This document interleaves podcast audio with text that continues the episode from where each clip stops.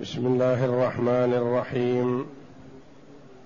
الحمد لله رب العالمين. والصلاة والسلام على نبينا محمد وعلى آله وصحبه أجمعين. وبعد. بسم الله. أعوذ بالله من الشيطان الرجيم. بسم الله الرحمن الرحيم. قل اوحي الي انه استمع نفر من الجن فقالوا انا سمعنا قرانا عجبا يهدي إلى الرشد فامنا به ولن نشرك بربنا احدا وأنه تعالى جد ربنا ما اتخذ صاحبة ولا ولدا وأنه كان يقول سفيهنا على الله شططا وأنا ظننا أن لن تقول الإنس والجن على الله كذبا وأنه كان رجال من الإنس يعوذون برجال من الجن فزادوهم رهقا. وأنهم ظنوا كما ظننتم أن لن يبعث الله أحدا. هذه السورة الكريمة سورة الجن وتسمى سورة قل أوحي. هي من السور المكية. والمكي كما عرفنا هو ما نزل على النبي صلى الله عليه وسلم قبل هجرته إلى المدينة.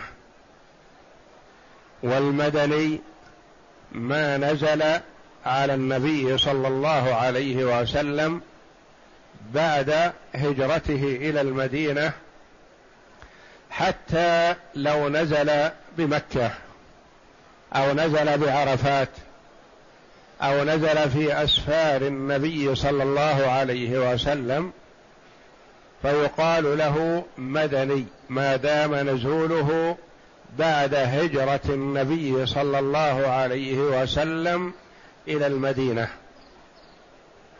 وما نزل قبل أن يهاجر النبي صلى الله عليه وسلم إلى المدينة يقال له مدني يقال له مكي حتى ولو نزل خارج مكة في أسفاره صلى الله عليه وسلم.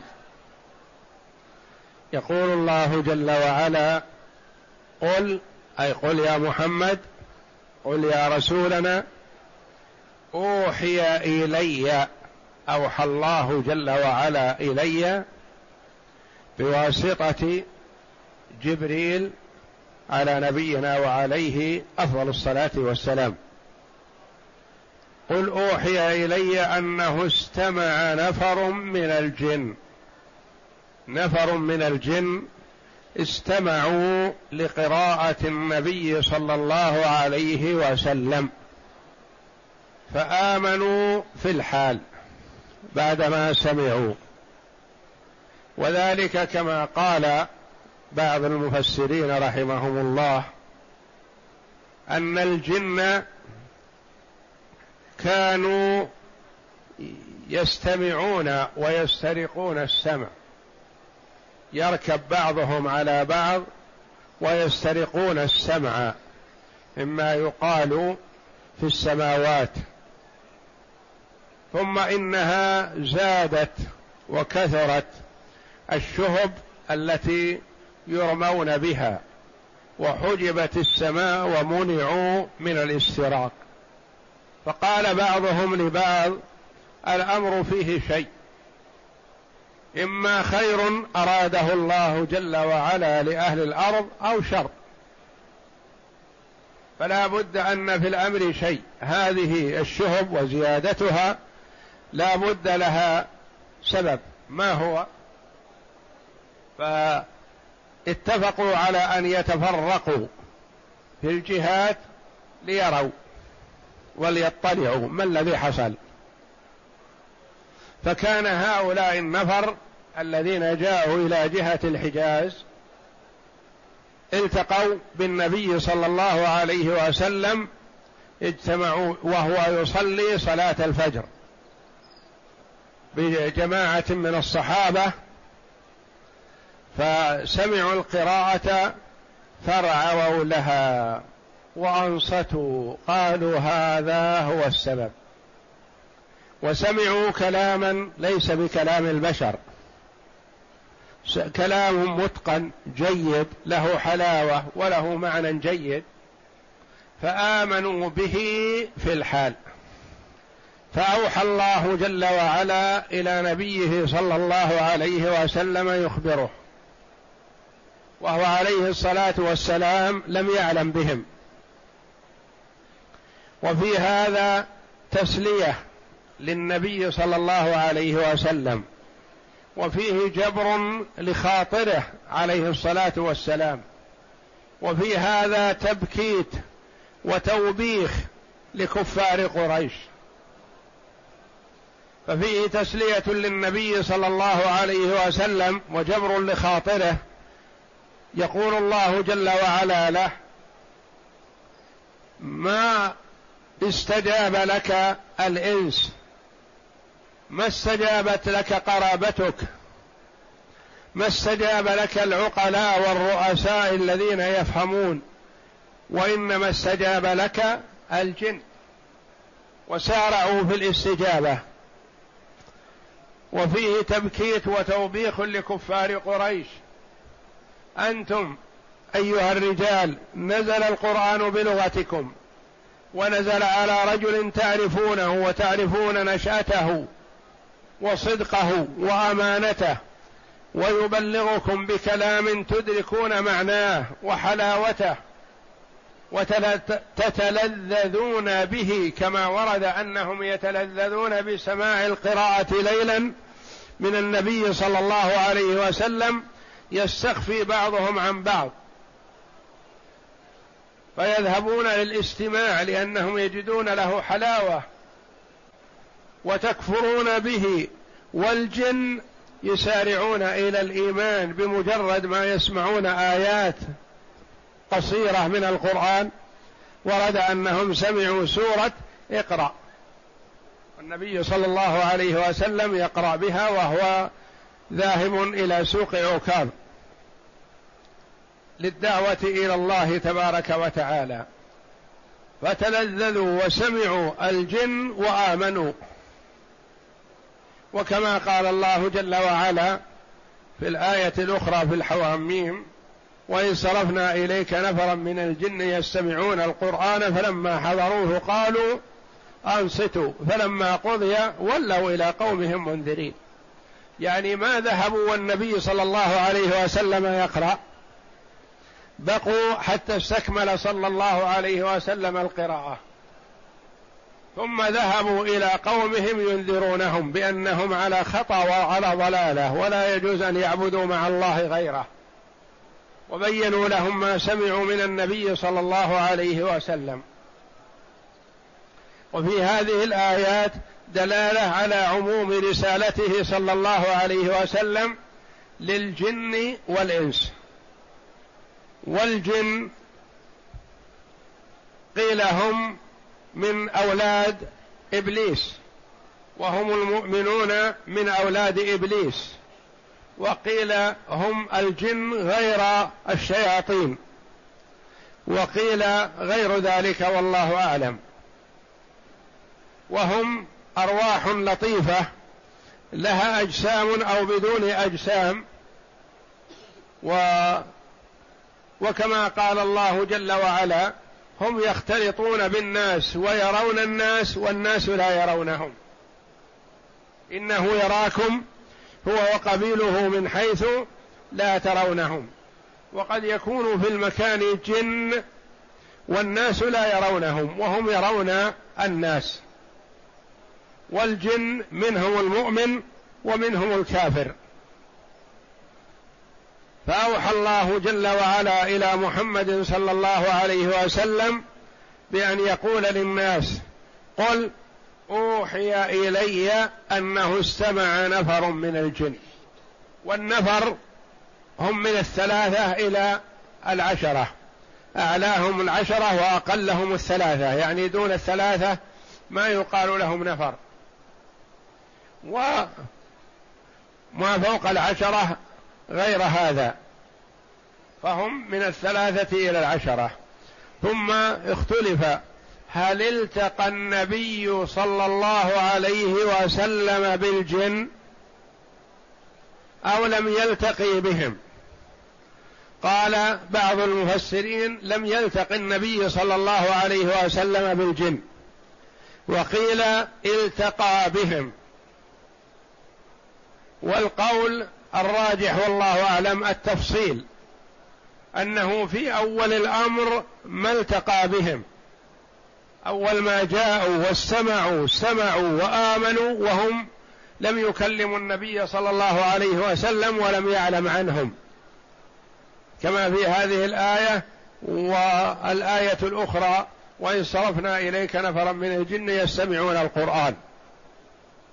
ثم إنه بعد ذلك التقى بهم كما ورد عن أبي هريرة رضي الله عنه وغيره من الصحابة أنه خرج معه إلى خارج المدينة ثم أجلسه في مكان ثم تقدم النبي صلى الله عليه وسلم. وأن صاحب النبي صلى الله عليه وسلم خاف عليه لما سمع الأصوات حوله فكاد أن يتقدم إليه لكنه ذكر قول النبي صلى الله عليه وسلم لا تبرح مكانك. فجلس بانتظار النبي صلى الله عليه وسلم. وذلك أنه عليه الصلاة والسلام كان واعد بعض الجن فخرج إليهم عليه الصلاة والسلام وبين لهم وأرشدهم وفقههم في الدين عليه الصلاة والسلام. وهؤلاء يذهبون إلى قومهم ينذرونهم. والقول الراجح أنه ليس من الجن رسل وإنما فيهم منذرون. وهل الجن يدخلون الجنة أو لا؟ قولان للعلماء رحمهم الله قالوا أما كفارهم فهم يعذبون كما نصت الآيات على هذا. وأما المؤمنون فقيل يدخلون الجنة وقيل لا يدخلونها. قولان للعلماء رحمهم الله. قال المستدلون بالدخول قوله جل وعلا لم يطمثن إنس قبلهم ولا جان. دل على أن الجن لهم زوجات ويدخلون الجنة والله أعلم. قل أوحي إلي أنه استمع نفر من الجن فقالوا إنا سمعنا قرآنا عجبا يهدي إلى الرشد. يهدي إلى الرشد. ونعلم أن فيه اناس غلاة ينكرون الجن ينكرون وجودهم وهذا كفر لأن الله جل وعلا نص على وجودهم في هذه الآية وفي غيرها من الآيات. فبعضهم يقول إن هذه توهمات ونحو ذلك وليس كذلك بل هم عالم من العوالم وهم من الثقلين. هم قسيم للإنس الجن والإنس. والنبي صلى الله عليه وسلم رسول الله إلى الجن والإنس. وكما في قوله تعالى قل أوحي إلي أنه استمع نفر من الجن وإن صرفنا إليك نفرا من الجن. فوجودهم حق ويجب الإيمان به وإنكاره كفر وتكذيب للقرآن العظيم. إنا سمعنا قرآنا عجبا يهدي إلى الرشد. قل أوحي إلي أنه استمع نفر من الجن فقالوا يعني ذهبوا إلى قومهم وقالوا إنا سمعنا قرآنا عجبا. قرآنا المراد به المقر يعني سمعنا قراءة. سمعوا قراءة النبي صلى الله عليه وسلم وهذا المعنى الذي سمعوه تعجبوا منه لأنه ليس من كلام البشر وله معان عظيمة وله حلاوة في لفظه ومعناه وبلاغة واضحة فالبشر لا يستطيعون أن يأتوا بمثل هذا. وكما قال الله جل وعلا قل لئن اجتمعت الإنس والجن على أن يأتوا بمثل هذا القرآن لا يأتون بمثله ولو كان بعضهم لبعض ظهيرا يعني لو تعاونوا واتفقوا وتعا وتساعدوا على أن يأتوا مثل هذا القرآن ما يستطيعون لأن هذا كلام الله جل وعلا. ولولا أن الله جل وعلا يسره وسهله لنا ما استطعنا قراءته ولا فهمه. لكن الله جل وعلا يسره لعباده كما قال تعالى ولقد يسرنا القرآن للذكر فهل من مدكر؟ فالجن أدركوا هذا المعنى إنا سمعنا قرآنا عجبا. عجبا العجب قد يتعجب من الشيء لبلاغته وقد يتعجب من الشيء لقلته وعدم أدائه للمعنى وعدم فائدته لكنهم وضحوا هذا العجب بقولهم بقول الله جل وعلا عنهم إنا سمعنا قرآنا عجبا يهدي إلى الرشد. يهدي يدل ويرشد ويوضح الطريق الحق طريق الصواب. وكما قال الله جل وعلا إن هذا القرآن يهدي للتي هي أقوم. فالقرآن يهدي إلى الحق وإلى الرشد وإلى عبادة الله وحده وإلى ترك عبادة ما سواه وإلى سعادة الدنيا والآخرة. سعادة الدنيا بالقرآن وسعادة الآخرة بالقرآن وسعادة الدنيا والآخرة معا بالقرآن. إن هذا القرآن يهدي للتي هي أقوم. والمرء إذا وفق لتدبر القرآن وتأمله سعد واطمأنت نفسه وارتاح باله ورضي بحاله في حال غنى أو في حال فقر في حال صحة أو في حال مرض في حال نعم متوالية أو في حال ابتلاء لأنه في كلا الحالين على خير. إن كان إن كان غنيا شكر وذلك خير عظيم. وإن كان فقير صبر وذلك خير عظيم. وإن عوفي شكر الله جل وعلا واستعان بنعمة العافية على مرضاة الله. وإن كان مريضا صبر واحتسب فأجر اجرا عظيما. والله جل وعلا وعد الشاكرين كما وعد الصابرين. إنما يوفى الصابرون أجرهم بغير حساب. وكل هذه المعاني تدرك بالقرآن وبتأمل القرآن وبالإيمان بالقرآن. فإذا وفق العبد للإيمان بالقرآن اطمأن ورضي وعلم أن كل شيء بقضاء الله وقدره. فلا ينزعج من شيء ما حتى وإن آذاه فهو يؤذيه ويحتسب.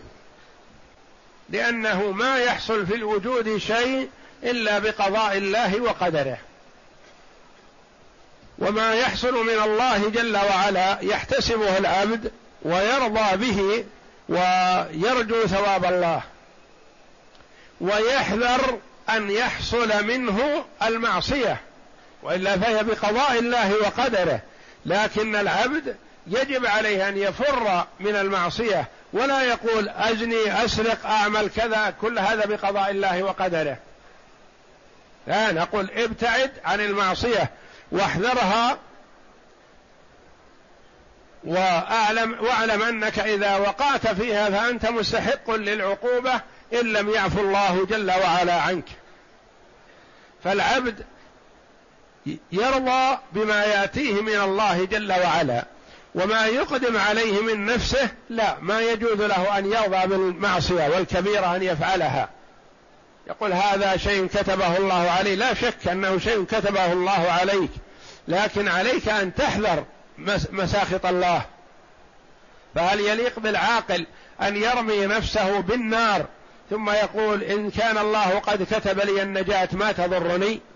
أخرج منها سالم. لا. نقول يجب عليك أن تبتعد عما يضرك وتبتعد عن المعاصي فإذا وقعت في شيء بقضاء الله وقدره فاحتسب.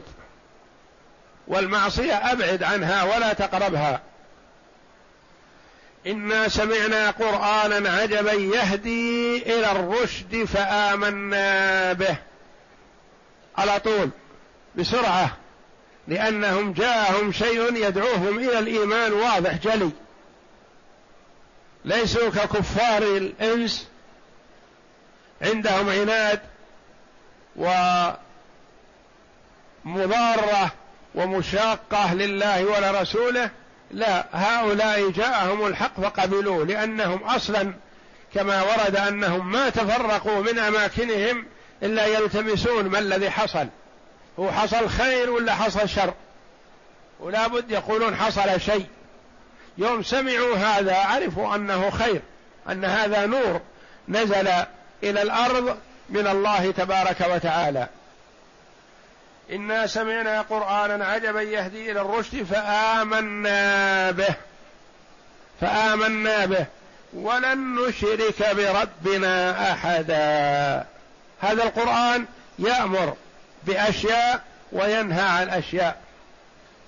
الرشد الطاعة والخير وفعل المعروف والتقرب إلى الله جل وعلا. ولن نشرك بربنا أحدا. نجتنب المعصية وأعظم المعاصي وأظلم الظلم هو الشرك بالله. لأن سلب حق المخلوق لمخلوق آخر ظلم. لو أخذت من زيد شيئا ما ولم تاخذه أنت لنفسك أعطيته آخر. أليس هذا ظلم؟ ظلم. فإن أخذت فإن أخذت حق الله تبارك وتعالى وصرفته لعبد من عباده فذلك أظلم وأشد. صرف حق الله لغيره. رجاء من لا ينفع ولا يضر. رجاء من هو عبد من العباد. أفضل الخلق محمد صلى الله عليه وسلم عبد لا يستحق العبادة. وصفه الله جل وعلا في أشرف المواطن بالعبودية. فمنزلة العبودية منزلة عظيمة لمن وفقه الله جل وعلا وصار عبدا من عباد الله. مرتبة شرف عظمى. فالله وصف بها نبيه صلى الله عليه وسلم في أشرف المواطن. سبحان الذي أسرى بعبده ليلا من المسجد الحرام إلى المسجد الأقصى. الحمد لله الذي أنزل على عبده الكتاب وأنه لما قام عبد الله يدعوه كما سيأتينا قريبا كادوا يكونون عليه لبدا. فالعبودية وصف عظيم لمن وفقه الله جل وعلا وهداه وجعله من عباده. فالعبادة لا تصرف إلا لمن يستحقها وهو الله تبارك وتعالى.